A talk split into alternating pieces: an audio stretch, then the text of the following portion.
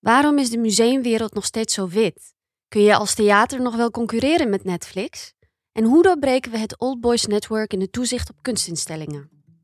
Eén ding is duidelijk. De Nederlandse culturele sector staat voor grote uitdagingen. Erlenmeyer, vernoemd naar het transparante proefglas, is het laboratorium waar we samen met nieuwe denkers en doeners op zoek gaan naar het antwoord op deze vragen. Want wij zijn van mening dat het debat in de cultuursector nog te vaak door dezelfde mensen gevoerd wordt. En dat we daarmee niet per se vooruitkomen. Vanuit de studio van Dag en Nacht Media in Amsterdam zijn dit Roy Kremers en Naima Boustaoui.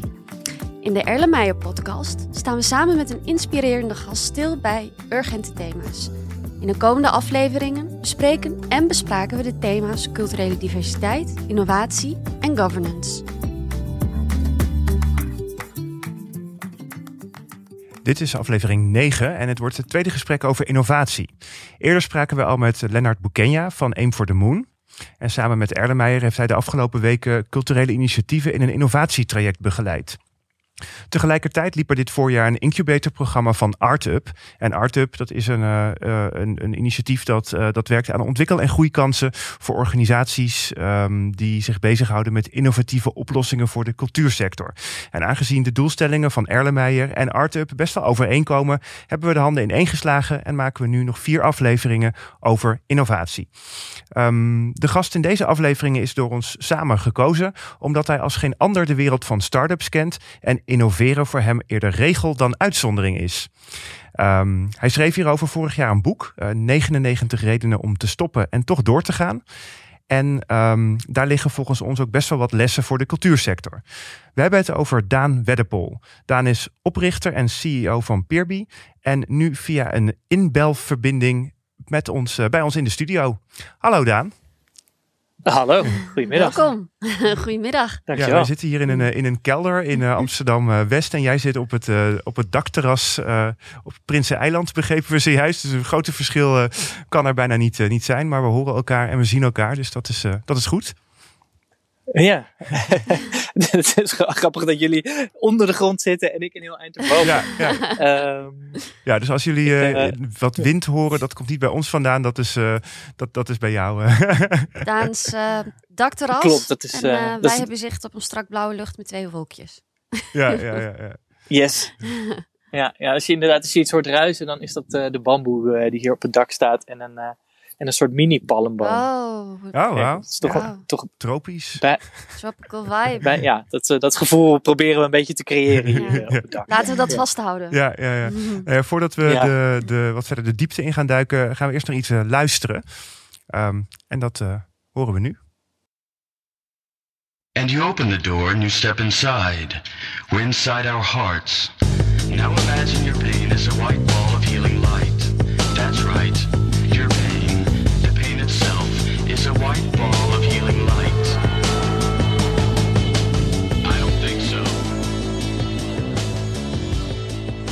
Waar, waar hebben we naar geluisterd? Uh, we hebben geluisterd, uh, nou moet ik even kijken of het goed zegt, de, volgens mij naar de Duster Brothers. -huh. en volgens mij is de titel van het nummer This Is Your Life. Ja.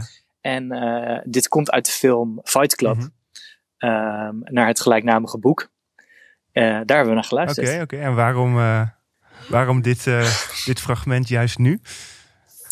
Ja, er zit, um, er zit zo ontzettend veel in wat op, een, op de een of andere manier um, gaat over nu. het gaat over, volgens mij, um, de toestand waar je misschien wel in moet zijn om nieuwe dingen te gaan proberen. Het gaat ook over de, voor mij de cultuursector. Want ik heb ooit in, in een toneelvoorstelling gebaseerd op Fight Club gespeeld. dus er zijn heel veel thema's. Zal ik ze, zal ik ze, ze één voor één proberen uit, uit te lichten? ja, is goed. ja? ja. De, een van de dingen die. La, laten we daar beginnen. Um, het, ik werd. Um, uh, uh, uitgenodigd om mee te doen aan, uh, aan de voorstelling De Club van Lucas de Man. Mm -hmm. en dat is gebaseerd op Fight Club. En hij nodigde mij uit omdat hij vond dat het mijn verhaal lijkt op dat van de hoofdpersoon in Fight Club. Dus in, in, in, het, in het verhaal komt een man thuis en hij ontdekt dat zijn hele appartement is opgeblazen. En dat hij dus eigenlijk geen, geen huis meer heeft. En vervolgens, omdat hij alles kwijt is, ja, begint hij een soort nieuw leven. Ehm, er is, uh, in 2009 was er een brand in mijn huis. Uh, waardoor mijn huis onbewoonbaar was, waardoor ik al mijn spullen kwijtraakte.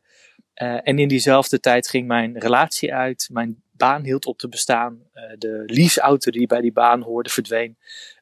en mijn, mijn grote droom, en dat was om, om acteur te worden, viel in duigen, want ik werd weggestuurd op de toneelschool in Arnhem. Hmm. En ik had opeens, was eigenlijk alles tegelijkertijd was verdwenen. Murphy's Law. En ja, ja, zoiets. Of ze, hè, ze zeggen wel, de, de duivel scheidt altijd op een grote hoop. Nou, dat was uh, Waar had je het aan verdiend? ja, ja, ja, ja. En um, ergens in het nummer zeggen ze ook in, volgens mij, uh, um, om, om opnieuw te beginnen moet je alles verliezen. Zoiets mm -hmm. uh, wordt er gezegd. En um, ik denk dat het wel een beetje waar is. Of het kan in ieder geval de ultieme uitgangspositie zijn om opnieuw te beginnen. Als je alles hebt verloren, dan kun je dus niks meer verliezen. Dus dan is alles wat je begint, is toegevoegde waarde. Zeg maar. Het is alles, alles is beter dan, uh, dan niks op een bepaalde manier. Um, maar tegelijkertijd ook als je, als je eerst leert om niets te accepteren, om te accepteren dat er even niks is, dat je even niemand bent, althans niet gebaseerd op hè, wat je doet of wat je maakt of wat je hebt, uh, dat je al dat soort constructen moet loslaten. En dan ben je eigenlijk in een perfecte uitgangspositie om iets nieuws te gaan doen. Nou, je voelde, uh, en dat voelde is... je je ook zo optimistisch op dat moment? nee, nee, in eerste instantie helemaal niet. Het is natuurlijk het, het, het, is, het, is het, het afgrijzelijkste wat er kan gebeuren. En tegelijkertijd ben ik heel dankbaar dat het gebeurd is. Want als ik kijk naar wat het me gebracht heeft, dan is dat ook heel veel. Uh, maar dat heeft wel even gekost voordat ik dat, denk ik, voordat ik dat daarmee kon dealen. Ja. De eerste poging om ermee om te gaan was vluchten. Ja. Was, uh, ik, ik, ik, heb, ben een, een, ik heb een enkele reis naar Istanbul geboekt in de hoop dat ik, als ik wat rond zou gaan reizen, dat, dat, dan, dat het beter zou worden. Nou, toen heb ik volgens mij in twee weken tijd vijf verschillende landen gezien en ik voelde me nog geen haar beter. Mm. Toen realiseerde ik me, misschien is het, zit het probleem niet, niet buiten mij, maar zit het in mij, uh, de, de onrust die ik nu voel. Ja. ja klassiek. Uh... Dus, ja, maar het is wel goed om, daar, uh, om dat, dat, dat thema net even vast te houden. En daar zo dadelijk uh, bij even op terug te komen. Ja, um, want om je wat beter te leren kennen, willen we eigenlijk eerst helemaal naar het begin.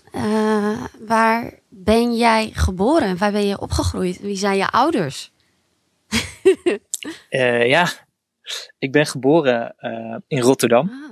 Uh, mijn, mijn ouders woonden op Zuid, heet dat, ja. uh, geloof ik, in Lombardije.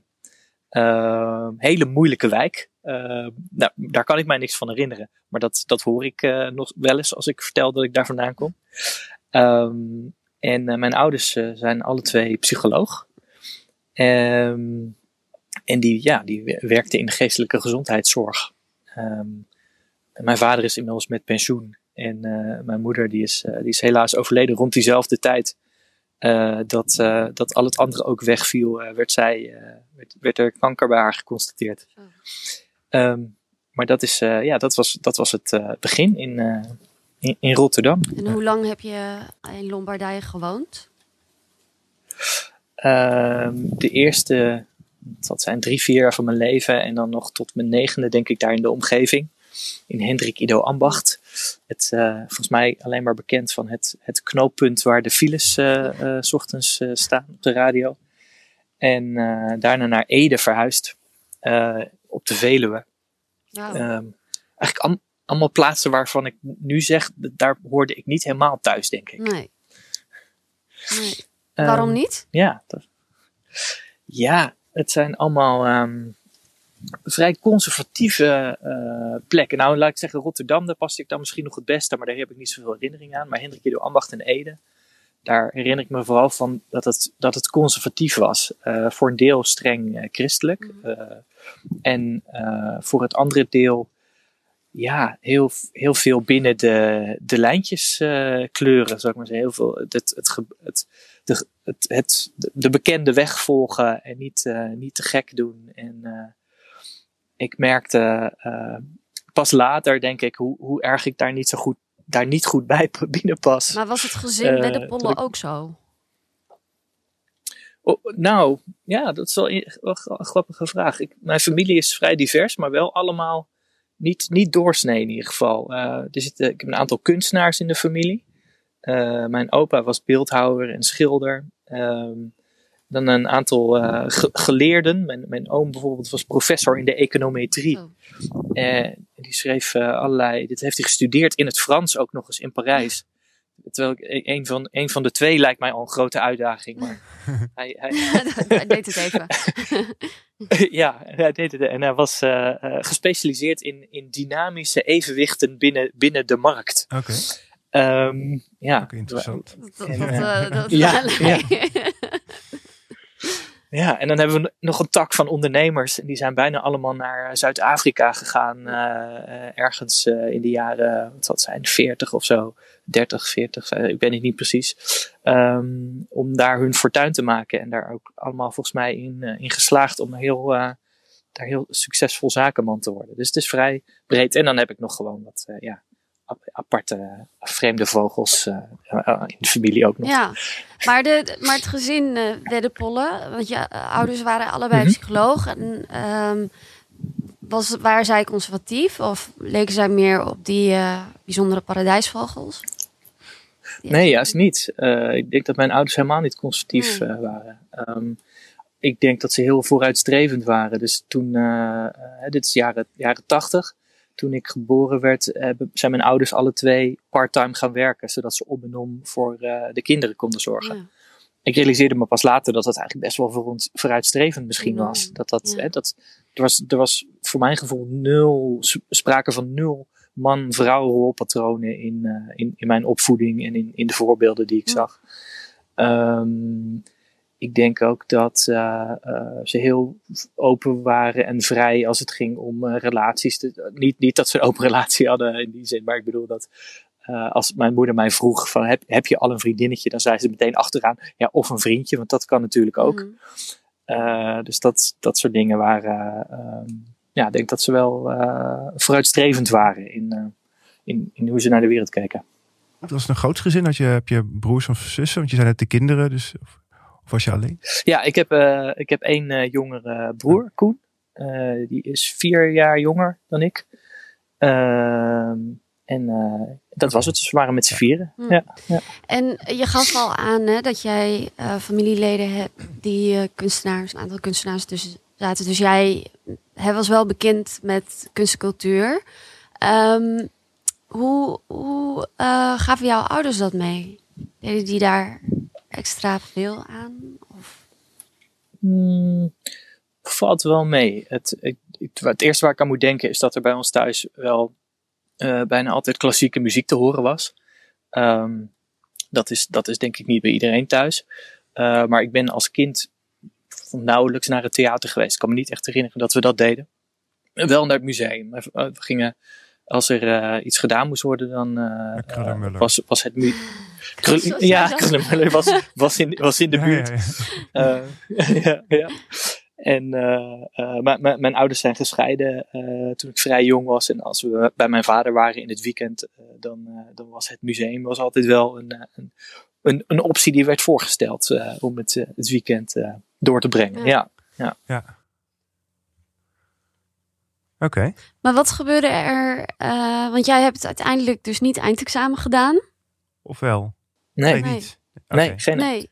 En wat, nee. wat is er? Wat nee. gebeurde er toen je 18 werd? Nou ja, ik, ik, ik dacht toen, ja, je hebt een diploma nodig. Je moet, Mhm. mm -hmm. je moet dat gaan doen. Dus ik dacht, dan wordt het avondschool of zo. Of dan moet ik naar zo'n particuliere school waar je dan heel veel betaalt om alsnog door je examen heen geslagen te worden. Uh, en uh, uh, toen zag mijn moeder, die had volgens mij wel al een beetje door van ja, dit is, school is misschien toch niet hoe hij zijn, het beste leert. En toen zag ze een advertentie in de krant voor een IT-bedrijf dat op zoek was naar medewerkers. En het was eind jaren negentig. Er was een enorme internetbubbel. Iedereen was op zoek naar mensen die verstand hadden van computers. Als je, als je 17 was en een idee had voor een, een, een start-up, hè, dat was de eerste internetgolf, dan gaf de bank je een miljoen en dan kon je zonder enige ervaring een bedrijf opstarten. Nou, dat ging ja, heel vaak heel erg fout. Maar dus ja, er was een enorme schaarste aan Dus eh, mensen met verstand van computers. terecht, of- Ja, ik, ik kon eigenlijk meteen. Maar ja, zo, zoiets. Ja, mijn eerste baan was bij het, het Rijksrekencentrum. En dat is dus eh, ja, een soort van, van organisatie van de overheid, waar alle, alle servers bij elkaar staan. En alle, alle over, de overheid zijn, eh, zijn, zijn computers bij elkaar eh, heeft. En eh, Dus jij, daar werd ik een soort manusje van alles. Hoe oud was je toen? Ik was toen 17. dus je werd eh, zonder diploma werd je ineens ambtenaar. Nou, ik wa- ik was, ik was geen ambtenaar. Ik, werd- ik werd daar gedetacheerd vanuit een Ah. IT-detacheerder. Dus ik was meteen consultant, Ja. zou je kunnen zeggen. Ja. Maar uiteindelijk ben je dus nog op de, op de toneelacademie terechtgekomen. Of niet? Ja, ik heb toen een, eh, een tijd eh, in, in, de, in de, de ICT, eh, zoals dat heet, Ja. gewerkt. Eh, eh, ik, ik maakte al vrij snel, heel snel eigenlijk carrière. Dus de, tegen de tijd dat ik 19 eh, was, werkte ik als consultant voor banken in het buitenland. Om de, de financiële, eh, om, om de dealing rooms, dus de, waar de aandelenhandel plaatsvindt, om die te automatiseren. En ik was eigenlijk opnieuw heel ongelukkig. Want ik paste helemaal, ik was 19, ik was een soort van tiener. En ik moest daar de hele dag bij zo'n bank doen alsof ik een heel eh, verantwoord eh, figuur was. En ehm, toen. dit is, het wordt echt een lang verhaal, Ja, dit ja, hoor. Maar goed, We kunnen dan, knippen. dan, dan nemen we nemen alle omzwervingen er maar bij. Ehm, toen dacht ik op een gegeven moment: dit is, dit is het ook niet. Ehm, en, en ik, ik verdiende goed en ik had maar, hè, dus carrière technisch was het allemaal in orde, zou je kunnen Ja. zeggen. Maar ik was niet gelukkig. Toen dacht ik: nu word ik word snowboardleraar. Dat, dat, dat wil ik doen. Ik zoek de vrijheid op. En toen heb ik een opleiding gevolgd. En de, toen zou ik naar Canada vertrekken om daar les te gaan geven. En een paar weken voordat ik vertrok, brak ik mijn been. En was mijn hele seizoen eh, verdwenen. En toen dacht ik, ik ga toch, ik ga toch stoppen eh, al- om in loondienst te werken. Toen ben ik mijn eerste bedrijfje begonnen. Dus ik, ik ging software ontwikkelen voor, voor anderen. En dat deed ik eh, zelfstandig. Ja. En eh, na een aantal jaren later heb ik dat verkocht. En, eh, en toen ben ik naar de toneelschool gegaan. Oké, en Toen dacht ik, even nu, qua, nu, qua, nu iets qua- anders. Qua, tijd, eh, want wanneer, wanneer- hoe oud was je toen? Ehm, ik was volgens mij 26 toen ik begon op de toneelschool. Hmm. Dus ik, dus ik zal, ik, en ik zal het bedrijfje hebben opgebouwd tussen mijn 21ste en mijn 26ste. Ja, ja. Dus- Maar, was jij nou miljonair? Toen je dat bedrijf verkocht en Nee. naar de toneelschool? Nee, ik was, ik, het, het, het geld wat ik verdiende was genoeg om eh, een, eh, een paar jaar te kunnen studeren. Ja. Maar niet, eh, niet veel meer dan Nee. dat. Nee, hoor. ik ben er niet rijk van Nee. geworden destijds. En in 2012 richtte je Peerby op. Hoe ging dat? Ehm, ja, dat was. ehm, dat is een goede vraag. Het, het, het zijn allerlei dingen die bij elkaar komen. Dus het, ehm, die brand die had eh, eh, ervoor gezorgd dat ik ehm, eigenlijk heel veel moest loslaten. Eh, ik moest loslaten wie, wie ik dacht dat ik was. Hè, want dat was allemaal gebaseerd op, op mijn carrière, zeg maar. Ik, ik wilde een interessant verhaal hebben over mezelf. En ik had eigenlijk helemaal niks. Ik deed niets. En dat moest ik langzaam maar zeker moest ik dat eigenlijk loslaten. Ik moest een stuk van mijn ego loslaten, zou je kunnen zeggen. En ehm, tot die tijd wilde ik graag, ja, hoe zeg je dat, eh, zo onafhankelijk zijn. En, en, en ehm, geen beroep doen op anderen. En eh, bijna een beetje een soort van onaantastbaar eh, zijn. En ik, ik had op, eigenlijk op dat moment geen andere keus dan dat allemaal los te laten. En echt, ja, een beroep te doen op de mensen om me heen. En omdat ik spullen moest lenen en, en bij mensen moest overnachten, maar ook omdat ik, ja, de, de, ik, het enige, ja, hoe zeg je dat? Het enige wat ik, ik het enige wat er was, was, was andere mensen. Eh, eh, Mhm. wat, ik, wat ik nog had, zeg maar, was vrienden en bekenden.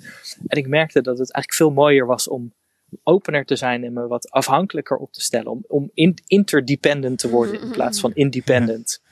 En, en dat dat een, dat dat veel meer voldoening ga- gaf eh, dan, eh, dan dat, dat soort van geïsoleerd eh, eh, Ego, ja, de, ego. eh, ja. En dus dat was een deel van de inspiratie. Een ander deel eh, was dat ik altijd bezig ben met hoe kun je dingen nou slimmer organiseren. En een van de grote gekke vraagstukken waar ik me al een tijd mee bezig hield is waarom hebben we zoveel? Ehm, op, allerlei manieren zoveel extra capaciteit. Weet je, alle auto's staan 96% van de tijd stil. Onze spullen liggen in kasten, niks te doen. Mhm. De, onze woonkamers zijn eh, grote delen van de dag leeg. Behalve nu tijdens Ja. corona. Nu wonen we opeens. Maar nu zijn alle kantoren weer leeg. Dus we hebben al die, al die capaciteit. En, de, en, en als we dat slimmer zouden indelen. Dan, dan zou er ja, veel meer zijn voor iedereen. Zonder dat we iets eh, kwijtraken. Ehm, dus dat was wel iets waar ik al lang mee eh, speelde. En ik dacht, hoe kan ik mensen verbinden eh, om dat meer te delen op een, op een lokaal niveau, bij, bij elkaar in de wijk. Mhm. Nou, dat kwam allemaal bij elkaar in, eh, in, dat, eh, in dit idee van Peerby. En toen, oh ja, toen las ik What's Mine is Yours, een boek van eh, een eh, dame die zich verdiepte in wat zij noemde collaborative consumption. Dus hoe kun je samen consu- slimmer consumeren. Nou ja, dat, toen was het idee geboren. Ja. Ja. En wat is Peerby? Voor de mensen die. Ja, Wat, wat doen jullie? Het is een, het is een website en een app waarmee je eh, spullen kan lenen van andere mensen in je buurt. Dat, eh, dat is het. Dus het is eh, we- de, de overcapaciteit die we hebben op al onze spullen, die probeer ik eigenlijk beschikbaar te maken. Zodat we samen eh, veel meer hebben. En, en dus eigenlijk met minder eh, meer kunnen doen. Ja. En ehm, we, we, we, komen er eh, eh, zo dadelijk, in het, eh, dadelijk weer op, op, op terug hoor, op, op Peerby, hoe het, er nu, hoe het nu met Peerby gaat. Ehm, eh, en ook de lessen die je hebt eh, geleerd. Ehm. Want vorig jaar heb je het boek eh, 99 redenen om te stoppen en toch door te, ga- te gaan geschreven. Ehm, wat was voor jou eh, reden om dit te doen?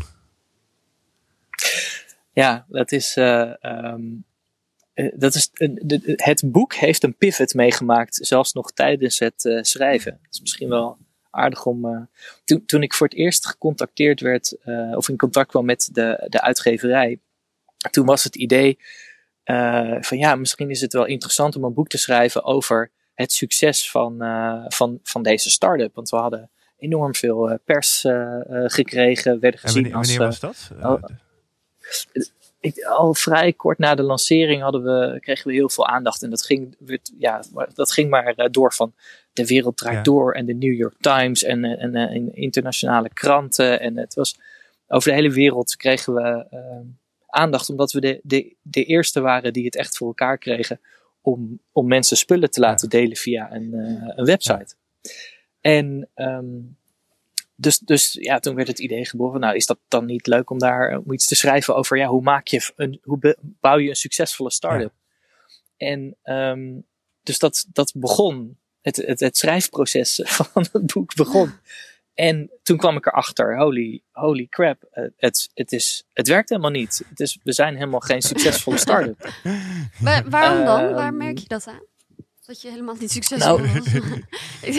De, me- me- ja, dat merkten we met name aan het geld. Ja. Dus als je kijkt naar het sociaal, het sociaal eh, kapitaal dat er gecreëerd werd, hè, om mensen die elkaar ontmoeten, dat niet- werkte niet goed. in balans. En, dat, nee, dat, en, en we hadden wel allerlei duurzame impact. Dus er werd veel minder, eh, door, door het platform wordt er minder geconsumeerd, minder CO2-uitstoot, minder grondstoffen. Mensen besparen allerlei geld.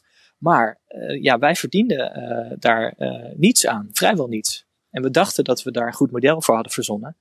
Uh, maar dat bleek helemaal niet uh, te werken. Naarmate we dat groter uh, maakten, werd het alleen maar duurder in plaats van dat het meer begon op te leveren.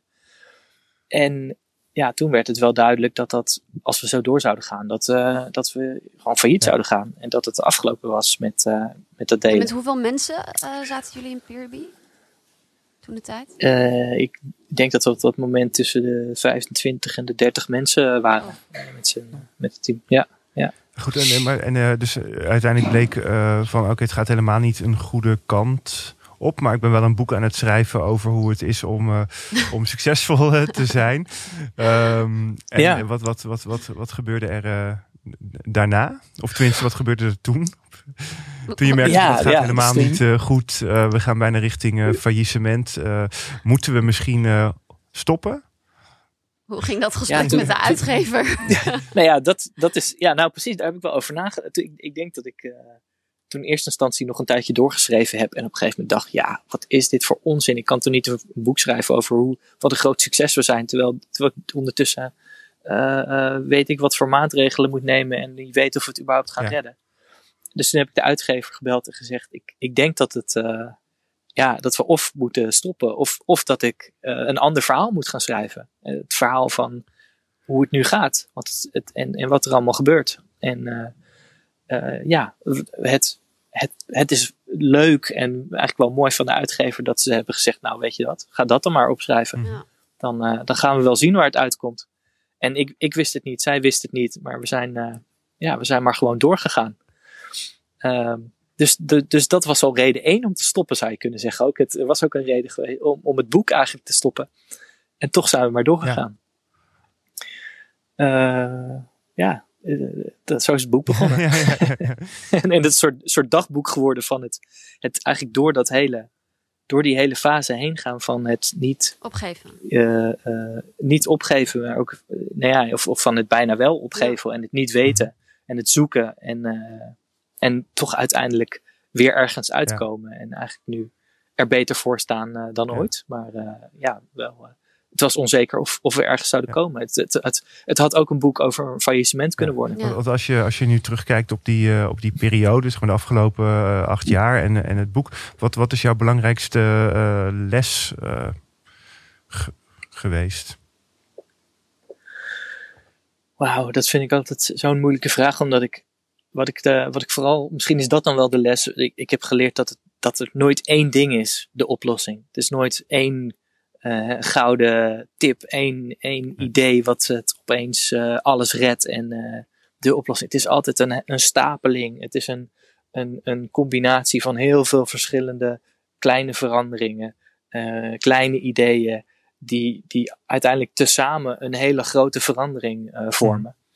En ehm, En misschien is dat ook, ook wel waarom je door moet gaan. Omdat je moet, je moet blijven stapelen en dan pas wordt het weer iets. En, en speelt geluk ook een rol?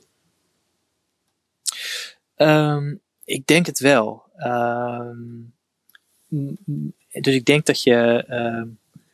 eh, ja, ik denk dat geluk een rol speelt. En tegelijkertijd eh, zegt, vindt mijn vriendin altijd dat ik wel heel erg veel geluk heb.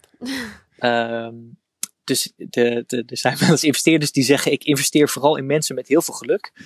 Ehm, dus een, een track record van heel veel geluk. En ik denk dat ik dat wel een beetje eh, op zich wel een beetje heb. Maar dat, daar zit volgens mij ook weer hetzelfde, geldt weer hetzelfde voor. Als je één keer iets probeert, dan is hè, de kans dat je. Dus als je één keer met een dobbelsteen gooit, is de kans 1 op 6 dat je 6 gooit. Ehm, maar als je, als je gewoon 100 keer gooit, ja, dan gooi je best wel vaak 6. Dus, het- dus het is, eh, eh, volgens mij gaat het ook om, om, om, om, om doorgaan in een bepaald proces. En dan uiteindelijk komt daarin komt succes. En er zijn, ja, je gooit net zo vaak, gooi je een 1. Ehm, maar ja, als je, als je maar zorgt dat je die zessen blijft stapelen, dan lijkt het uiteindelijk een heel succesvol eh, bouwwerk. En die ene, die, ja, die kun je dan weer Maar weggooien. die, dat, die instelling, zeg maar, die, die, die lijkt niet heel erg te passen Mhm. in. ehm, ja, wat, wat. Ja, misschien mag ik dat niet zo zeggen, maar wat. eh, Mhm. ehm, wat onze Nederlandse cultuur is. Dus dat je als je faalt, dat je eigenlijk moet schamen en eh, eh, een tijdje gezicht niet moet laten zien. En, ehm, maar jij zegt eigenlijk iets heel anders. Ja. ja, dat is een hele, dat is heel interessant. We verliezen die, die, die vaardigheid ergens in onze jeugd. Ik weet niet hoe het komt, maar als je leert lopen of leert fietsen of leert schaatsen of wat dan ook, dan, dan kan het niet anders dan dat je in eerste instantie gewoon tien keer op je, op je muil gaat. Ja. En, omdat je, en dan ga je, als je dan zou zeggen, nou de eerste keer dat je hè, probeert te, te, te leren lopen, dat je op je gezicht gaat, die zegt nou laat dan maar zitten Ja. dan, eh, dan, dan zal dit het wel niet zijn. Ja, dan, dan zou je nooit leren lopen. En, en toch is dat eh, ja, hoe wij inderdaad later in het leven allerlei dingen beginnen aan te pakken. Dat, we worden bang om eh, te falen. We willen, willen dingen eigenlijk pas proberen als we er zeker van zijn dat ze slagen. En als we ze proberen en ze mislukken de eerste keer, dan zeggen we, zie je wel, dit was het niet. Eh, laten we daarmee mee stoppen. Terwijl, ja, dat, dat is volgens mij het recept voor, voor falen. Als je echt, en, en, en, en ook niet meer verder komen. Terwijl je moet, je moet volgens mij die eerste keer falen. En de tweede keer en de derde keer. Je moet, je moet eh, met die dobbelsteen blijven gooien. Tot, totdat je snapt eh, Uh, totdat je of geluk hebt, of totdat je snapt hoe je hem precies zo kan gooien dat je hoge ogen gooit. Ja, ja. Maar het is een beetje een zoektocht naar de, ook de juiste balans. Omdat je aan de ene kant heb je uh, het Verenigde Staten, hè, waarbij een dubbeltje een kwartje kan, of een, een, een dollar kan worden. en mm -hmm. waarbij je het zoveel mogelijk mag proberen. En er is de, de, en wat je daar dan hebt is, uh, er is geen uh, goed sociale zekerheidsstelsel. En dat is iets wat wij hier in, het, in West-Europa wel hebben. En dat blijkt dus nu in deze ja. tijd echt een heel fijn iets te zijn. Um, ja. Hè, en ik, vooral in, in, de tijd waarin we nu zitten, dat mensen dan nu juist heel erg blij zijn met, met dat stelsel en die zekerheid en het afkaderen van risico's. En, maar tegelijkertijd um, uh, zitten heel veel bedrijven in een situatie waarbij innovatie ontzettend belangrijk is voor de toekomst ja. van hun bedrijf. En dat geldt ook natuurlijk voor al die bedrijven in de culturele sector, die instellingen in de culturele sector. Hoe, hoe zie jij dat, die twee? Ja, nou, ik ben heel blij dat ik uh, in Europa leef en dat ik onderdeel ben van een samenleving waarbij we zeggen, we vinden het belangrijk dat mensen een vangnet hebben dat niet als je een keer pech hebt gehad dat je, dat je op straat staat. Uh, zonder huis. En, uh, of als je ziek wordt dat je, en, en je bent geen miljonair, dat je nou ja, in principe doodgaat omdat je je rekeningen niet meer kan betalen. Of, of, of op zijn minst failliet gaat. Ja. Dat, is, dat is volgens mij fantastisch aan Europa. En ik denk dat we dat heel goed geregeld hebben. En eigenlijk is het bijna gek dat we dus ook niet meer innoveren. Want we kunnen fouten ja. maken. We kunnen. Mm -hmm. Je kan iets gaan doen en dan falen en dan, en dan en dan is er gewoon een vangnet. Ja. Dus het, het, is eigenlijk heel tegenstrijdig dat we dat niet meer doen. En het is kennelijk toch voor, kennelijk toch als je in een soort van levens, overlevingsmodus zit, makkelijker voor mensen om maar ja, uit wanhoop dan dingen te proberen in Amerika, dan dat het voor ons hier in Nederland het is om dingen vanuit veiligheid ja. te proberen eigenlijk heel tegenstrijdig. Ik, snap, ik kan, het, kan het je ook niet uitleggen waarom dat dan is. als je nu, eigenlijk zouden we hier meer moeten ja, doen. Nou ja, goed, als je nu, nu, nu, kijkt natuurlijk naar, naar, de, naar de, in de, in de wereld van, van start-ups, is het, is het, daar, daar, daar wordt gewoon veel daar, daar gaat gewoon veel ook faalt. Uh, uh, mm -hmm. En, uh, en dat, dat, dat is inherent eigenlijk aan, aan het start-up principe.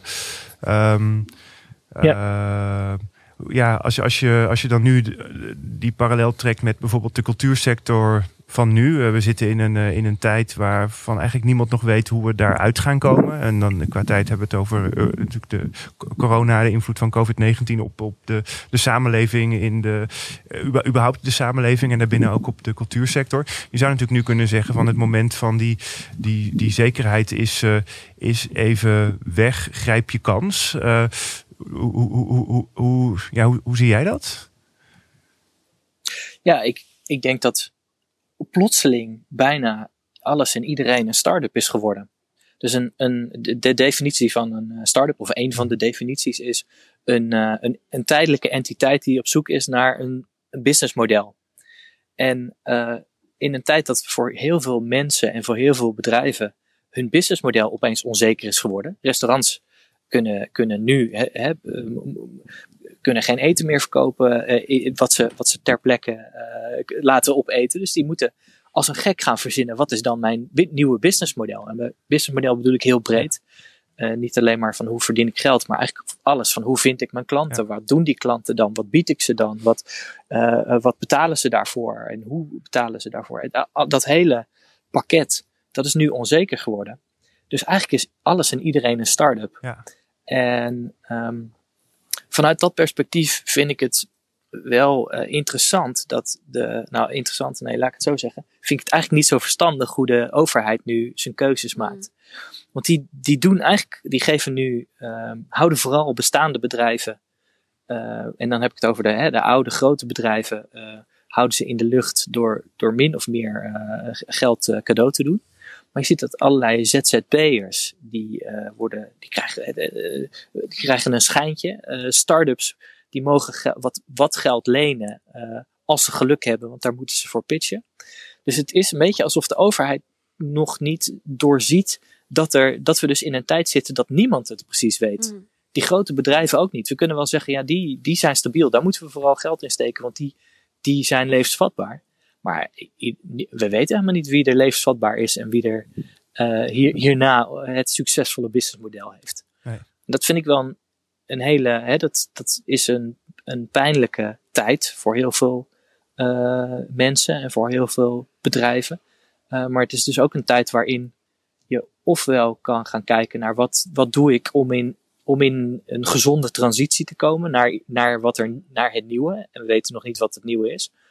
Je kan ook een tijd lang ja, maar gaan, gaan stutten wat er te stutten valt. En alles waarvan je ooit dacht dat het uh, belangrijk was, dat er maar in de, in de lucht houden in de hoop dat het weer, weer belangrijk wordt. Maar kan je, maar, kan je iets bedenken voor, voor een toekomst waar je echt helemaal geen zicht op hebt? Nee. Nou, je kan wel iets bedenken, maar je weet niet of je gelijk hebt. Ja. En, uh, en, en dat, is het, uh, dat is denk ik de vaardigheid van, van de start-up. Dat is proberen, in, in, als je eigenlijk nog niet het antwoord mm -hmm. hebt, te, toch te proberen een antwoord te formuleren. En, en, dan, en dat te gaan proberen. Dus dat, wat een, de, de, de, de meest succesvolle start-ups, wat die doen, is heel veel uitproberen. Dus die, die, die werken in bouwen, meten, leren cycli. Dus die, die, aan het begin van de week uh, zeggen ze, nou, wat denken we dat er zou kunnen werken? En dan uh, op dag twee uh, probeer je dat al zo snel mogelijk in een soort prototype te vatten. en prototype, gewoon dus iets, iets ja. wat lijkt op wat je wil, wat je denkt dat er gaat werken. En dan gedurende de week probeer je dat met wat mensen uit. En als het goed is, heb je dan aan het eind van de week heb je al feedback van de mensen die het geprobeerd hebben. En kun, weet je alweer iets meer over wat er in de huidige situatie kan werken. En de volgende week ga je op basis van die lessen weer een, doe je weer je volgende prototype. En zo kom je er langzaam maar zeker achter wat het antwoord is op in, in de nieuwe situatie. Ja. En wat, en, sorry, ga, ga, ga, je dan, want ik was even, wat, wat, wat, wat is daarvoor voor die mentaliteit? Um, wat, wat zijn daarvoor, um, uh, wat is daarvoor essentieel om op die manier uh, te, te, te werken?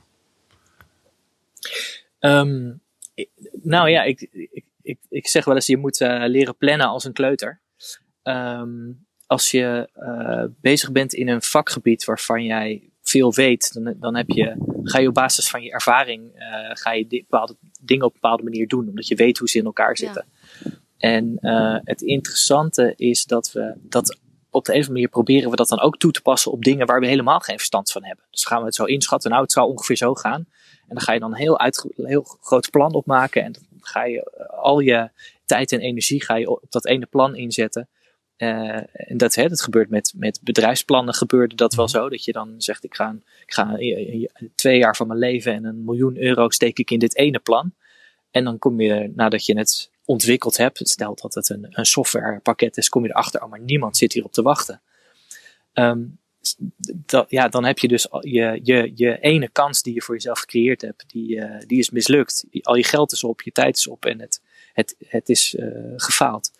Um, wat je dus eigenlijk moet doen is een, een, een kleuter die nog heel weinig weet van de wereld. Die, wat je ziet is dat die veel meer gewoon gaan proberen. Uh, je ziet het uh, bij, onder andere bij de, uh, de, de, de Marshmallow Challenge. Dat is een soort van oefening waarbij je aan een, een mensen vraagt om van ongekookte spaghetti en plakband en een marshmallow om een zo hoog mogelijke toren te maken. Um, en de, de marshmallow die moet bovenop. En je krijgt, de mensen, je krijgt dan 12 minuten zoiets. En wat je, wat je ziet is dat mensen bijvoorbeeld uh, uh, bedrijfskundigen die gaan een heel plan ontwikkelen met z'n allen. Die zijn tien minuten aan het discussiëren over hoe ze die toren gaan bouwen. Dan gaan ze in 1 minuut 50 zetten ze een zo hoog mogelijk toren op. En in de laatste 10 seconden doen ze de marshmallow bovenop en stort die hele toren in. Um, en um, het interessante is dat, dat daardoor gemiddeld bedrijfskundigen, dit is met heel veel mensen over de wereld gedaan, bedrijfskundigen bouwen gemiddeld een lagere toren dan kleuters. Kleuters zijn hier veel beter in, want wat doen die? die pakken die marshmallow, die steken er wat spaghetti in, zetten het op, tafel en die zien dan, oh ja, zo, uh, zo kan het uh, werken. En wat zij, wat zij leren is, een marshmallow is eigenlijk heel zwaar voor de spaghetti die, er, die erin moet. Het is een beetje gek ja, voorbeeld, ja, ja. maar het is omdat je, het is een voorbeeld van een onbekende situatie, want je doet dit normaal niet, een toren maken van spaghetti en marshmallows. Dus je, je moet gaan, veel gaan proberen en snel gaan proberen. En, um, en dan kom je uiteindelijk dus ja, heb, heb je meer succes dan iemand die al zijn, uh, eh, zijn e- energie en geld op, op dat ene plannetje eh, zet. En hoe, En dan maar moet hopen dat hij eh, goed gegokt en hoe heeft. zou, zou dit er dan uitzien als je bijvoorbeeld een theatergezelschap bent of een schouwburg? Wat, wat voor advies zou je ze meegeven? Wauw, ja, dat is, een, eh, dat is een hele goede vraag. We schrijven mee. Een museum. Ja. Ja, de grootste vraag. Want ik, ik denk dat ehm, er ook een verschil is tussen Mhm. zeg maar een hele, een hele grote instelling, zoals bijvoorbeeld het Stedelijk Museum. Eh, Ja. of, of dat je een heel klein theatergezelschap hebt wat heel flexibel is. In, Ja, ja, weet ik niet. Dus, dus niet? da- daar, daar ben ik wel benieuwd naar eh, hoe Ja. jij het aan zou eh, pakken. Want voor mij zitten wij, wij denken voor mij ook al best wel weer. Ja, misschien zitten wij ook is, inderdaad als bedrijfskundigen te denken. Ja, eh, volgens mij waar je, als eerste naar op zoek moet is naar wat is, wat is je marshmallow? En eh, dat betekent wat is je, ehm, je meest riskante aanname eigenlijk, waar, waar, je de grootste onzekerheid over bestaat. Dus als je een, als je een nieuw plan verzint, dan zijn er bijna altijd onderdelen van dat plan waarvan je eigenlijk niet weet of het wel klopt. Dus dat is, dat is eigenlijk stap 1. Je realiseren, er zijn onderdelen van dit plan waarvan ik gewoon echt niet weet of het wel zo is. En dat is al heel moeilijk. Dus we hebben mensen vaak de grootste moeite mee. Want we hebben hele ste- stevige overtuigingen Mhm. van hoe het, hoe het zal zijn. En eh, als je iets nieuws doet, dan zul je zien dat je er gewoon de helft van de tijd volledig naast zit. Ehm, of misschien wel vaker. En dus dat, dat je realiseren en dan kijken welke van de onzekerheden is eigenlijk het alleronzekerst. Eh, en dan gaan verzinnen, wat kan ik doen om dat als eerste aan te passen? Eh, of aan te passen, wat kan, ik, wat kan ik doen om dat te testen? Dus je gaat een hypothese formuleren op iets wat nu niet meer werkt. Dat moet je waarschijnlijk vervangen. Dus eh, ja, als je zo meteen in een anderhalve meter samenleving een, eh, een zaal vol publiek moet hebben, dan zit daar dus een, een uitdaging. Want dat, dan waarschijnlijk krijg, je, krijg je het niet meer rondgerekend eh, ehm, als, als, je, als je zo weinig mensen in een zaal kwijt kan. Dus dan is misschien wel je eerste ehm, aanname, eh, we moeten dit buiten in een veld gaan doen. Ja, dan kun je zeggen, dit is, dit is mijn eh, fantastische eh, plan. Hier ga ik alles op inzetten. Mhm. Je zou ook kunnen zeggen, we gaan, eens, we gaan volgende week gelijk het, het veld in en dat eens even proberen. Ja. En het aardige is dat acteurs zijn hier best wel geoefend in eh, ten opzichte van eh, ehm, het bedrijfsleven. Dat je iets moet gaan doen wat, wat je nog niet goed kunt. En wat je dan toch al maar gewoon gaat proberen voor een, een, eh, hè, voor een publiek. Dus, dus een, eh, eh, je hebt eerst de repetities en dan ben je gewoon eigenlijk aan het klunzen. Je bent aan het falen en dingen aan het proberen. En je probeert eh, het, die, die rol op verschillende manieren vorm te geven. Totdat je iets vindt wat werkt. En eigenlijk kun je dus een bedrijf op dezelfde manier. of een organisatie. Of een, je kun je op dezelfde manier gaan zoeken naar, naar het vormgeven. En dat doe je door het gewoon, ja, door, door, door te repeteren, zou je kunnen zeggen. En die repetities kun je het best zo echt mogelijk maken. Dus ehm, dat, dat onderzoek, dat, eh, dat is wat mij betreft geen bureauonderzoek, maar dat is een, een praktijk proberen te creëren waarin iets zo reëel mogelijk is. Dus als jij verzonnen hebt, ik ga eh, online eh, kaartjes verkopen, dan zou ik zeggen, ga, ga dat gewoon proberen. En ehm, de vergissing die er dan heel vaak komt, is van, oh, dus ik wil online kaartjes gaan verkopen. Stel dat dat je meest riskante aanname is, dat dat, of dat wel of niet kan. Dat is, het is natuurlijk eh, niet zo, maar misschien zijn er, zijn er bepaalde eh, varianten waarin dat wel de ris- meest riskante aanname is. Ehm, dan eh, kun je zeggen, oh, dan moet ik dus eerst een hele voorstelling gaan maken. en daar het promotiemateriaal voor hebben. En ik moet een regisseur hebben en een gezelschap en noem maar op. En dan kan ik de kaartjes online gaan verkopen. Wat veel eh, slimmer is en veel minder riskant is, als, is eerst de kaartjes online gaan verkopen. Voordat je de, überhaupt eh, eh, het, het gezelschap hebt of de, de voorstelling hebt gerepeteerd. En dan eens kijken, koopt iemand die kaartjes? Want als niemand die kaartjes koopt, nou, dan hoef je dat, de rest ook niet te gaan doen. Ehm, dus je, je moet heel veel processen gaan omkeren waarvan je gewend bent om het in een bepaalde volgorde te doen. Begin je eigenlijk met het einde. Want als het, als het einde niet werkt, dan hoeft de rest allemaal niet. En mensen zijn dan heel vaak bang dat dat, eh, dat, dat eh, verontwaardiging of boosheid oplevert. Van ja, maar dan heb ik een kaartje verkocht en dan, en dan is de voor, bestaat de voorstelling helemaal niet. Dan, dan worden mensen boos om. Wat mijn ervaring is, is als je ze dan hun geld teruggeeft en een, uh, en een bedankje stuurt en zegt: Sorry, de voorstelling ging niet door. We waren alleen maar aan het testen. Um, is dat bijna niemand dat, dat erg vindt. Dat mensen het in het, in het beste geval zelfs wel interessant vinden. Ja. dat, je, dat je zo aan het zoeken bent naar, naar hoe het zou kunnen gaan. Dus het is, het is een beetje zoals hè, van, die, van die Kickstarters is het eigenlijk. Je, je, je hebt een idee en je kijkt van tevoren. Zijn er al mensen die dit willen kopen? Zo ja, dan gaan we het doen. Zo, zo nee, dan, uh, dan gaan we een ander plan verzinnen. Ja, en daarbij, ik denk wel, daar, daarbij zit natuurlijk uh, um, um, een. Um, uh, de, ik denk de uitdaging voor de cultuursector is nog wel. Uh, die de sector is zo, gaat zo uit van bepaalde vormen en bepaalde. ja, aannames over iets, hoe iets hoort. Uh, dus theater hoort op deze manier. Um, um, beeldende kunst hoor je op deze manier te presenteren. Dit, dit hoort in, de, in, in zo'n gebouw uh, zich af te spelen. En daar. Daar is ook de financiering aan gekoppeld. Daar is, daar is inderdaad financiering aan gekoppeld. Daar hangt een heel systeem aan vast. En um, ja, daar zit volgens mij de grootste uitdaging van hoe ga je dat hele, dat, die hele infrastructuur, dat hele systeem, hoe ga je daar uh, die, uh, bijna die disruptie of zo in, in, ja, in, in, in, in ontwikkelen, maar vervolgens ook laten groeien. Uh, en, en, en, en daarvoor moeten, denk ik, mensen ook um, uh, ja, keuzes gaan maken die op dit moment niet, niet goed voor hunzelf zijn. Of tenminste, die, die misschien persoonlijk als, als, als um, ja, die niet goed voor hunzelf zijn, maar wel voor de sector in de toekomst wellicht beter mm -hmm. kunnen zijn. Alleen, ja, en daar, uh, daar is nog heel weinig ervaring in. Dus daar ligt volgens mij wel een, een, een uitdaging. Wat voor keuzes zijn dat bijvoorbeeld?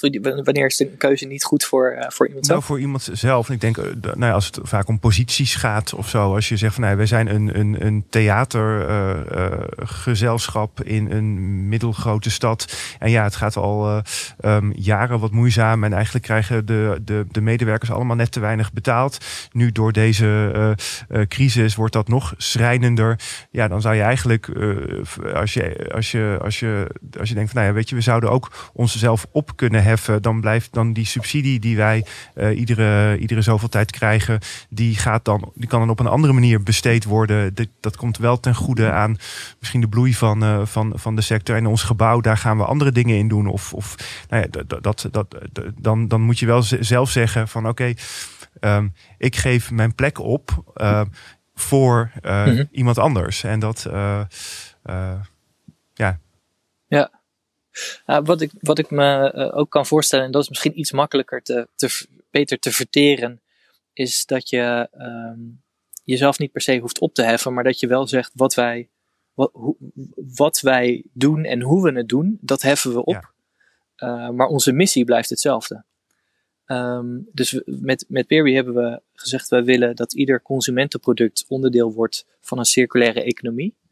En alles wat we tijdens onze uh, die onzekere periode verzonnen, dat bleef wel die, uh, die missie vervullen. En ik denk dat het daar uiteindelijk, dat is wat er, waar het om moet gaan. Um, ben je nog aan je, heb je, je bepaalde kernwaarden, bepaalde uh, passie als, waar, waar je als mensen en als organisatie achter kan, kan blijven staan. En ik denk dat alles wat binnen die passie valt, dat dat er, dat dat er ja, dat mag er zijn volgens mij. Dat geeft, kan, ook, kan voldoende motivatie bieden om, om iets nieuws op te starten.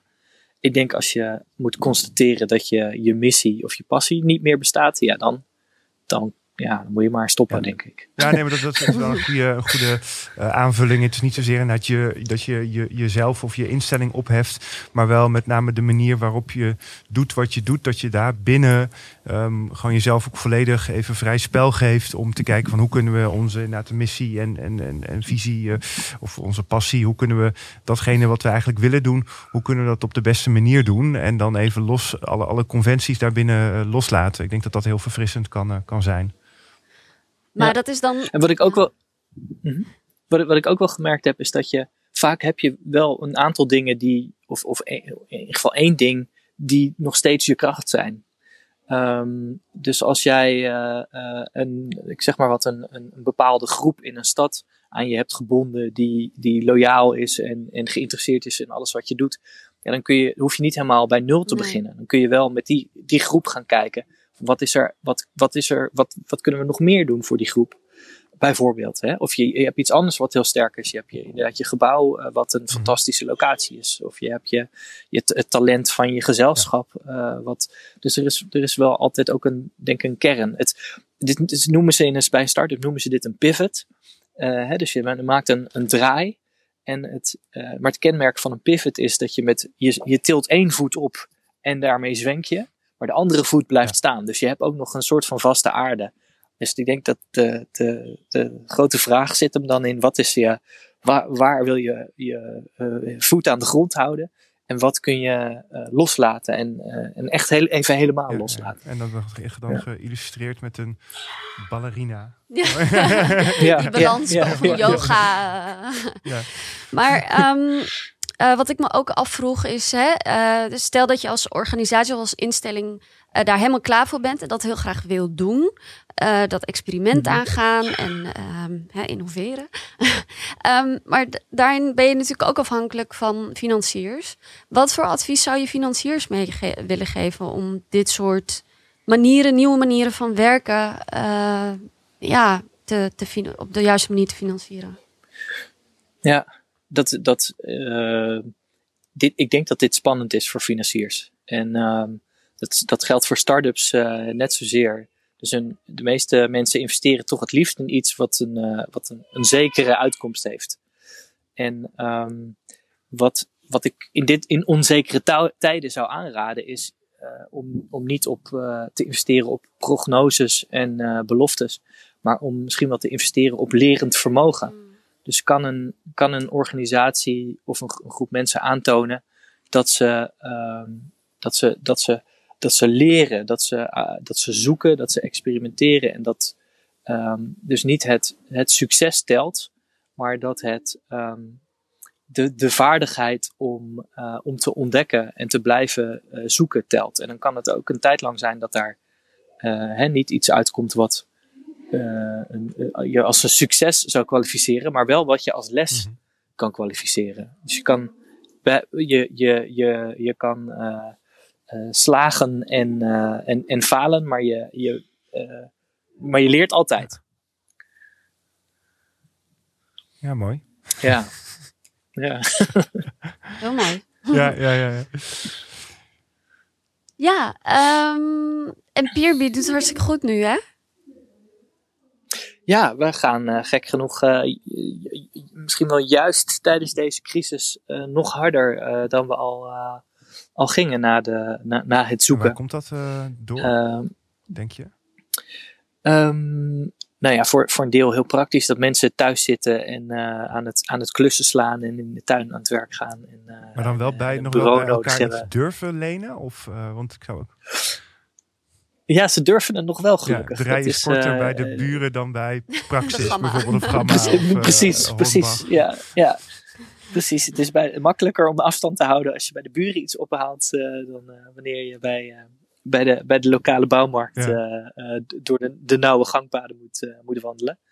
Ja, dus mensen doen wel voorzichtig. Um, het is, het is, het is ja, maar het is in de buurt. En ik denk dat dat wat je uh, en, en, ik hoop eigenlijk dat het, dat het groter, dat het ook boven dat praktische uitstijgt. Dat mensen ook uh, meer zien uh, ja, dat ze verbonden willen zijn met hun lokale omgeving. Dat is één. Dat al die spullen die uit China komen, ja, die komen nu ook even wat moeilijker uit China. Hè? Dus het, het, het, we zien dat we um, de soort van de vanzelfsprekendheid van alles maar kopen. Um, dat die, dat die een beetje is weggevallen. Eén, doordat er waarschijnlijk nog, nog een tijd lang allerlei moeilijkheden zullen zijn in de, in de aanlevering. Uh, maar ook omdat op dit moment heel concreet er allerlei winkels gewoon dicht zijn. Um, ja, dus ik, en, en mensen zijn onzeker over hoeveel geld ze hebben. Dus dan ga je ook beter nadenken over: is het nog wel zo vanzelfsprekend dat ik alles maar koop en, en alles maar zelf moet hebben? Ja. Terwijl, ja, dat hoeft helemaal niet. Nee. En um, dus nee, dat, dat, dat, uh, dat, dat is, uh, klinkt, klinkt uh, ja, in ieder geval is een mooie, ook een mooie, mooie richting om nog naar, naar, naartoe te gaan ook. En hopelijk inderdaad kan Peerby daaraan bijdragen. Ik was zelf nog wel benieuwd. Je, Mhm. natuurlijk wel in het begin van het gesprek gaf je aan wat je allemaal gedaan hebt. En hoe het was een beetje een soort van. ehm, van, van, van korte avonturen naar korte avonturen. Nou ja, ik kijk inmiddels even van nou ja, 2012 met Peerby begonnen. Inmiddels zijn we 2020, al acht jaar hiermee bezig. Ehm, hoe Ja. lang ga je door? Wanneer is het voor jou eh, klaar? Ehm, het, het, kijk, het, ik denk dat het klaar is als ik niet meer geloof in de, in de missie. Nou, dat, is, eh, dat zie ik niet zo snel gebeuren. Ehm, ik, heb, eh, ik heb ook gezegd, ik, ik stop ermee als ik geen, geen energie meer heb. Of als ik het idee heb dat ik aan een, aan een dood paard trek. Dat het gewoon niet, echt niet kan. Ehm, en ik heb een paar jaar terug heb ik gezegd, ik, ik geef het zo. eh, dat is een beetje een moeilijke belofte, want de vraag is of je het echt kan waarmaken. Maar mijn belofte aan mezelf was: ik geef het sowieso nog vijf jaar om er eh, een succes van te maken. Eh, en dat, dit was op het allerdiepste punt, toen ik echt niet wist of er überhaupt eh, iets, ja, of het zou gaan lukken. En ja, nu, of 2019 over 2018, zijn we twaalf keer gegroeid in, in hoeveel er gedeeld wordt op het platform. Ja, dat is een gigantische groei, dus dat geeft heel veel energie nu om, om door te gaan. Dus ik, ja, ik, ik weet nog niet wanneer het stopt en of, of het gaat stoppen. Nee. Nee, mooi. Dankjewel voor eh, Ja. je tijd en eh, jouw eh, inspiratie. Ja, absoluut. Ehm, Wil je, heb je nog een uitsmijter voor ons? Een uitsmijter. Jeetje. Ehm, nou, wat ik wel heel erg leuk vind eigenlijk ehm, aan. eh, eh, om, ik, ik heb dus ooit de ambitie gehad om, eh, om acteur te Ja. worden. En ik heb dat ook wel een tijdje een, een beetje gedaan. Maar ik zeg hem bewust een beetje, omdat ik was niet de, zeker niet de beste acteur. Ik denk niet dat ik ooit een, een, een Louis d'Or had gewonnen. Ehm, maar ehm, ik ben wel ehm, misschien een van de, de, de beste eh, acteurs binnen de, eh, de ondernemers of zo. Weet je, er is een soort van. ja, welke rol Eh, speel jij dan op- meestal? nou ja, ik, ik, ben, ik ben de hele dag verhalen aan het vertellen. En, als in, ik, ik ben met een, ik heb een publiek. De ene keer is het een investeerder, de andere keer is het een klant, de andere keer is het een, een, medewerker. Die ik probeer om een enthousiasmerend verhaal te vertellen. En, en probeer uit te leggen waarom is dit belangrijk en waarom eh, zou je dit interessant eh, kunnen vinden. En wat ik, eh, waarom ik het, het aanbreng is dat ik denk, ja, ik was eigenlijk als, het is maar goed ook dat ik niet ben, alleen maar ben blijven doorploeteren als acteur, maar dat ik uiteindelijk een soort van plek heb gevonden waarin ik als best wel aardig ondernemer en best wel aardig acteur eigenlijk voor mijn gevoel tezamen een soort van een plekje heb gevonden waarin die, die twee dingen tezamen eh, iets maken wat veel groter is dan de, de som van de delen. En ehm, dat, dat is denk ik uiteindelijk waar je ehm, misschien wel naar op zoek bent. Naar, naar dat eh, van waar, waar als, ik, als ik al mijn bouwstenen eh, eh, samenvoeg, waar is dan uiteindelijk de som van de delen eh, groter dan, eh, dan de, de, de, het uni, de, de individuele eh, ja, talenten of krachten. Ja. het is een hele eh, uitge, uitgebreide, lange uitsmijter, maar dat, eh, ik- dus, dus eh, ja, eh, je, iedereen is binnen zijn eigen niche de allerbeste en de allerbijzonderste. Eh, dus je, ja, je moet volgens mij gewoon zoeken naar wat, wat is dat dan? Er is altijd een klein een, een gebiedje ergens waarin al, al je unieke eh, talenten, of dat nou als, als, als mens is of als, als organisatie, waar dat opeens samenvalt en je denk ik iets heel unieks kan eh, betekenen en heel veel waarde kan hebben. Ja, en, en daar kom je dus eigenlijk pas door, door af en toe flink te falen en eh, door Ja. Experimenteren. te experimenteren, door te leren. En, eh, ja. Ja. Ja, Precies. Ja. Door te falen als acteur ben ik een eh, beter ondernemer. ja, en inderdaad, door, inderdaad ook wel door als ondernemer natuurlijk ook een paar keer die eh, te, te falen eh, ben je nog ja, goed. Eh, Ja. ja. dat is een mooie, Nou, mooie les denk ik Ja, eh, voor, denk het ook. voor iedereen die, eh, die heeft geluisterd. Deze onzekere tijd. Ik hoop Ja. het. Ik, Nou, nogmaals, Ja, dankjewel dus- voor, eh, voor, jou, eh, voor je tijd. dankjewel. En, ehm, Dank jullie wel. Dit was de Erlenmeyer podcast. Dankjewel voor het luisteren. En vond je het leuk? Laat dan een review of een rating achter, dan kunnen ook andere mensen deze podcast makkelijker vinden. Wij zijn Erlenmeyer en dat is gespeld E-R-L-E-N-M-E Griekse I-E-R. Wil je op de hoogte blijven of meediscussiëren? Ga dan naar erlenmeyer.nl of bezoek onze Facebookpagina. En vergeet vooral ook niet een bezoekje te brengen aan onze partner in deze reeks gesprekken over innovatie. Dat is Ardup. En Ardup, uh, dat spel je, of nou ja, dat, dat, die zoek je op op www.art-up.nl. Dus www.art-up.nl. Tot slot, dankjewel aan Dag en Nacht Media voor de productie en Gerson Meen. Hij heeft de intro-tune gemaakt. Hopelijk tot een volgende keer.